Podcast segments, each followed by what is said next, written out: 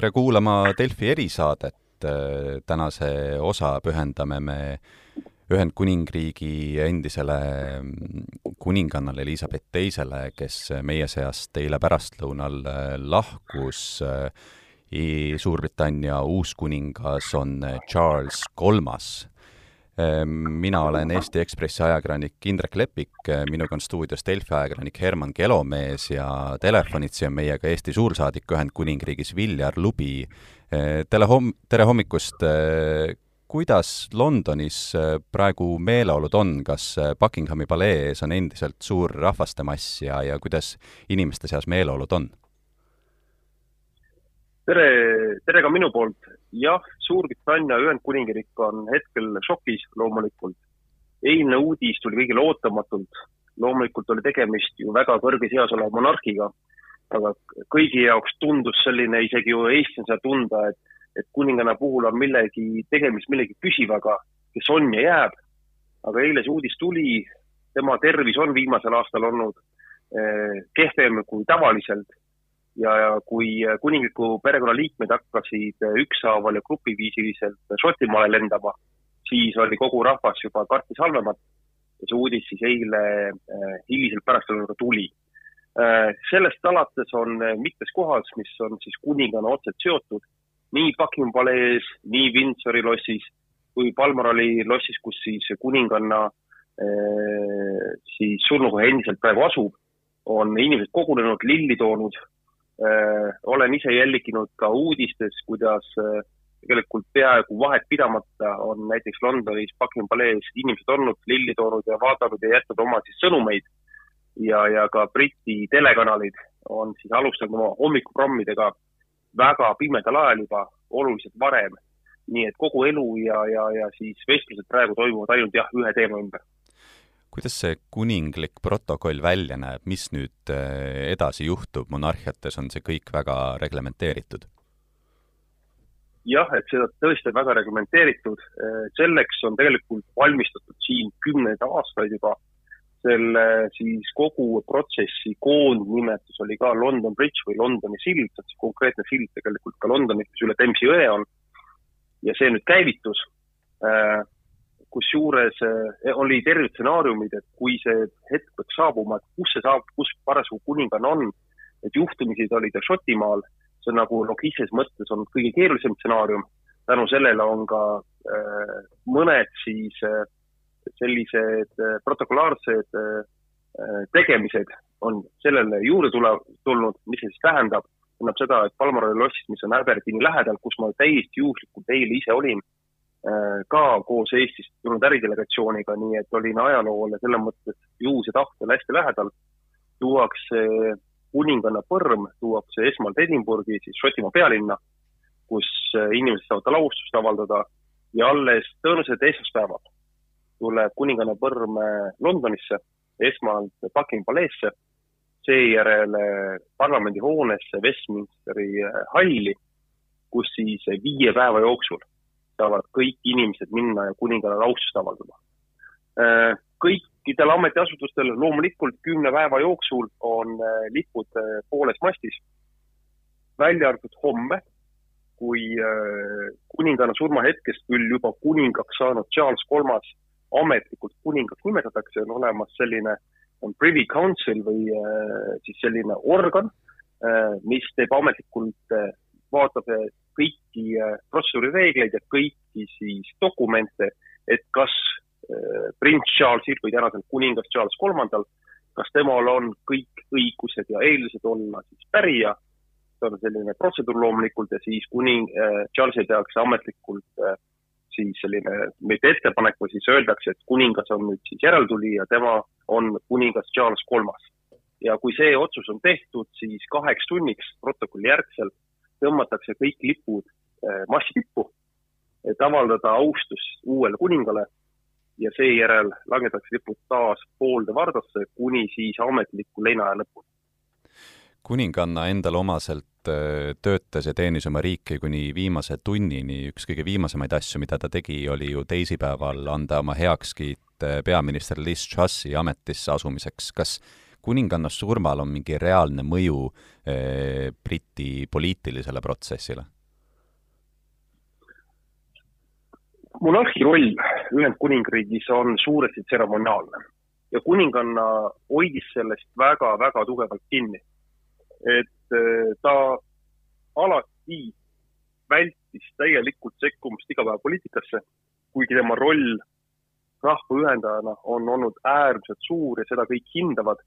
mitte ainult Ühendkuningriigi, vaid kogu rahvaste ühenduses siis Commonwealthi äh, riikide seas, kus, kuhu kuulub siis viiskümmend neli riiki äh,, nendest siis väga äh, mitmel ka äh, ligi kahekümnel riigil on kuninganna tegelikult ka ametlikult äh, riigipea, sealhulgas siis Kanada ja Austraalia, kui suurematest rääkida. et ta on küll tseremoniaalne roll, aga tema äh, positsioon siis äh, anda uuele peaministrile võimalus valitsust moodustada on äh, loomulikult olemas ja, ja ta ei ole kunagi pidanud äh, nagu minema valitsuse tahte vastu. aga tõesti, kaks päeva ennem oma surma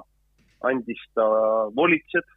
valitsust moodustada enda ametiaja või enda troonil olemise aja viieteistkümnendale peaministrile. sellise faktiga on ka välja toodud, et kui kuninganna troonil olemise ajal oli tal viisteist peaministrit, siis esimene neist oli Winston Churchill, kelle sünniaasta on tuhat kaheksasada seitsekümmend neli ja viimane on siis eh, selle nädala teisipäevast Lee Truss, kelle sünniaasta on tuhat üheksasada seitsekümmend viis. et eh, tema esimese ja viimase peaministri sünniaastate vahe on sada üks aastat. nii et see näitab, kui, kui suure nii-öelda perioodiga on tegelikult tegemist ja, ja ja brittide puhul ka, et paljud kommentaarid äh, ütlevad, et küll on tegemist teise päevaga, et harjumatu on öelda, et meil on nüüd kuningas, mitte kuninganna. Jah, nagu britid ütlevad, siis elagu kuningas, aga Eesti suursaadik Ühendkuningriigis Viljar Lubi, aitäh nende kommentaaride eest!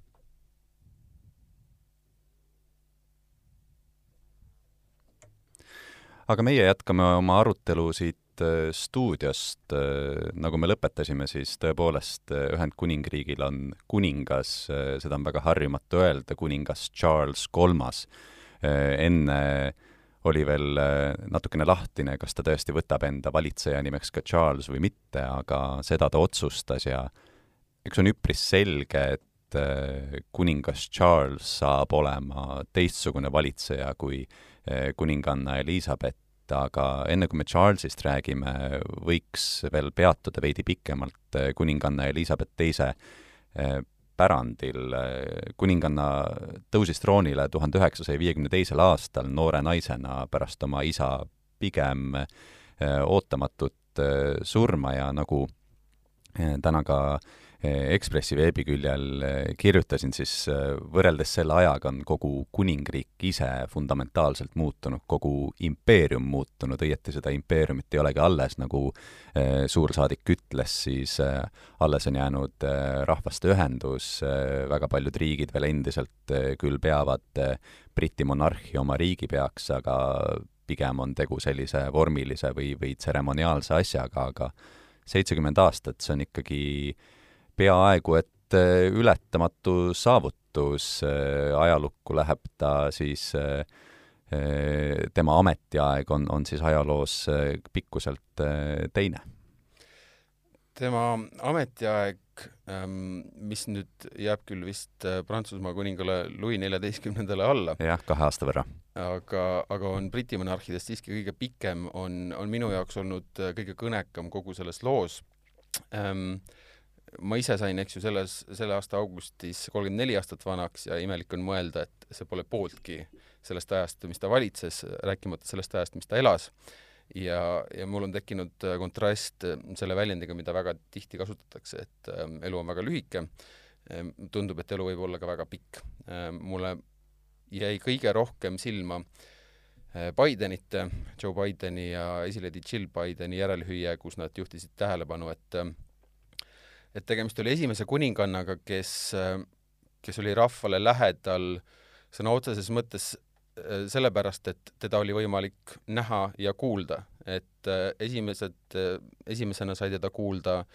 väikse printsessina raadioeetris, siis sai näha tema jõulupöördumisi telekas ja, ja lõpuks oli võimalik telefonist vaadata tema plaatinajuubelit ja, ja näiteks seda ka rahvale hinge läinud sõnumit koroonakriisi alguse puhul, kus ta andis siis inimestele teada, et küll me kõik jälle kohtume ja, ja küll see kõik läheb mööda. see, see aastate arv on nii suur, et, et kui nüüd mõelda selle peale, et ähm, inimene, kes sündis seitsekümmend aastat tagasi suvel, on täna seitsmekümneaastane, äh, noh, brittidest rääkides, ja, ja tal ei olegi mitte mingisugust muud kogemust äh, muu riigipeaga, muu monarhiga, siis äh, siis see sõna šokk on ikkagi täiesti asjakohane, isegi kui me räägime üheksakümne kuue aastasest prouast, sest et äh, miljonitel brittidel on ikkagi nagu kuidagi põrand jalge alt ähm,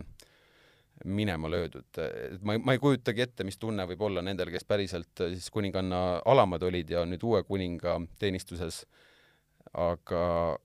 aga see kõik, kõik, kõik see sündmustik, mis sinna vahele jääb, noh pärast tema kroonimist tulid alles äh, Beatlesid ja Rolling Stones ja John Kennedy ja nii edasi, kõik, mis tundub nagu iidne ajalugu meie jaoks. Ähm, see on üsna uskumatu, jah. ja me unustame tihtipeale, kuivõrd suur klassiühiskond äh, Suurbritannias oli ja no tõele au andes on mingil määral ikkagi ka praeguseni, aga aga kuningannat tõepoolest eristas see, et ta tuli rahvale lähemale, kõik need äh, moodsad äh, ringhäälingu võimalused, äh, mille kaudu ähm, kuninganna ja, ja tema abikaasa rahvale lähemale tulid, aga aga ka üleüldiselt kõik, kõik see, kuidas ta rahvaga suhtles ja kuidas ta oli, et me ju teame, kuidas kaks maailmasõda tegelikult sisuliselt lõhkusid enamiku Euroopa äh, impeeriumidest, eh, kuningriikidest, eh, kuningavõim sai väga paljudes riikides otsa ja ja, ja, ja ka kuninganna Elizabeth Teine pidi mõnes mõttes nagu selle monarhia taasleiutama selleks, et, et käia käsikäes selle väga kiirelt muutuva maailmaga ja eks nüüd tegelikult selle Äh, uue kuninga ametiajal, Charles Kolmanda ajal äh, või valitsemise ajal on, on tegelikult väga suur küsimus, et äh, milliseks üleüldse kujuneb kogu see tema ajastu, sellepärast et nagu sa väga õigustatult tähelepanu juhtisid, siis kui ma ei eksi, üheksakümmend protsenti praegu elavatest brittidest ongi üksnes tema Elizabeth teise äh, ameti või valitsemisaja tunnistajaks olnud, et, et kõik see, kuidas nemad mõtestavad enda jaoks monarhiat, lähtub otseselt sellest, kuidas Elizabeth teine valitses. Äh, me teame, et äh, Charles on teistsugune, väga paljud on võib-olla lähemalt saanud tunda seda tänu seriaalile The Crown, kus me tunneme teda pigem sellise kapriisse kunstniku hingega noormehena, kellel olid äh, armukesed, äh, toosama armuke, kellega ta oma abikaasa Dianat äh, pettis, on ka praegu tema kaasa. et kas, kas Briti rahvas võtab ta üldse omaks samamoodi, nagu nad võtsid kuninganna Elizabeth teise omaks? See esimene emotsioon, mida on näha rahvusvahelistest tele, telekanalitest, on see, et nad pigem jah, teevad seda, äh, CNN-i ankrult Richard Questilt küsiti, et äh, küsiti seesama küsimus, mida sina praegu Charlesi kohta küsisid ja tema ütles, et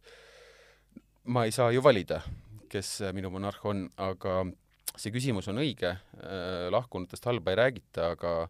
aga Charles on endiselt vägagi elus ja seetõttu on, on paslik võib-olla ka noh, käia läbi need teemad, mida tema siis tulevase, nüüd, nüüdseks teoks saanud kuningaks saamisega on arutatud.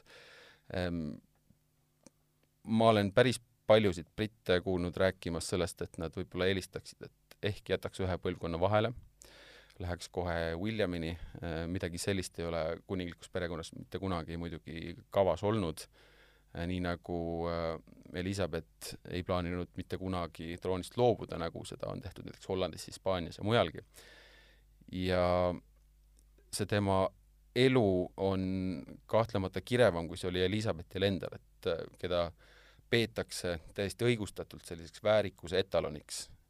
eriti veel selle tema noh, võsukeste ja perekonnaseikluste taustal, kuidas ta suutis säilitada selle ähm, noh, väliselt rahuliku meele. Ja ja Charles on ka jäänud võib-olla noh, kohati selliste noh, imelike seikade, lapsustega silma, ta on loomulikult ka erinevalt oma emast natuke rohkem avatud olnud näiteks meediale ja nii edasi, et selles mõttes saab olema väga huvitav, et äh, me, me, me ju ei näinud ühtegi päris intervjuud selle seitsmekümne aasta jooksul kuninganna Elizabethiga. Ehm, et võib-olla vastupidi, ta suudab siis nagu oma selle sooviga olla rohkem avatud kuidagi tasandada seda, seda eelnevat nagu kahetist mainet, mis tal on ja mis mind paneb tema pärast natukene muretsema, on see, et ta on terve elu elanud selle momendi nimel, mitte oma ema surma nimel, aga selle nimel, et olla kuningas. ja see hetk saabus kätte nüüd, kus ta on seitsekümmend kolm aastat vana. noh, võrdluseks Eestis on pensioniiga kuuskümmend kolm. Ja mm, selge on see, et tema ametiaeg tuleb palju lühem ja, ja sellisel viisil ajalukku, nagu Elizabethi aeg läks, noh, see on täiesti kindel, et see ei lähe. Jah, kroonprints oli printsiks olles äh, ka väga tugevate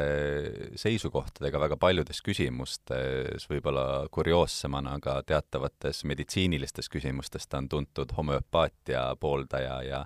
aga samal ajal ka suur kliimakaitsja ja, ja, ja paljudes sellistes küsimustes äh, selgete seisukohtadega, et eks suur küsimus saabki olema selles, et kui Elizabeth Teine mõtestas enda jaoks monarhiat just seekaudu, et äh, ta on esindusfiguur, kes ei võta seisukohta, nagu täiesti radikaalselt ei võta seisukohta, siis äh, kuningas Charles Kolmas ei hakka olema selline kuningas, ehkki ta on ka ise varem öelnud, et äh, ma ei ole rumal, ma saan aru, mida see amet minult nõuab. et jah, väga huvitav saabki olema vaadata, milliseks tema roll kujuneb, sest et kui nüüd mitte liialt spekuleerida, aga siiski püüda tulevikku vaadata, siis ega monarhia üleüldiselt kahekümne esimesel sajandil on midagi väga anakronistlikku ja kui kaua see tegelikult üleüldse püsida saab, kui läheneda hästi niimoodi eh, küüniliselt või merkantiilselt, siis eh, sõltumata sellest, et äh, kuningaperel on kõik need äh, lossid ja muud residentsid, siis äh, Ühendkuningriigi jaoks on nad nii-öelda majanduslikult netopositiivne, eks ole, see on suur visiitkaart Ühendkuningriigile, see on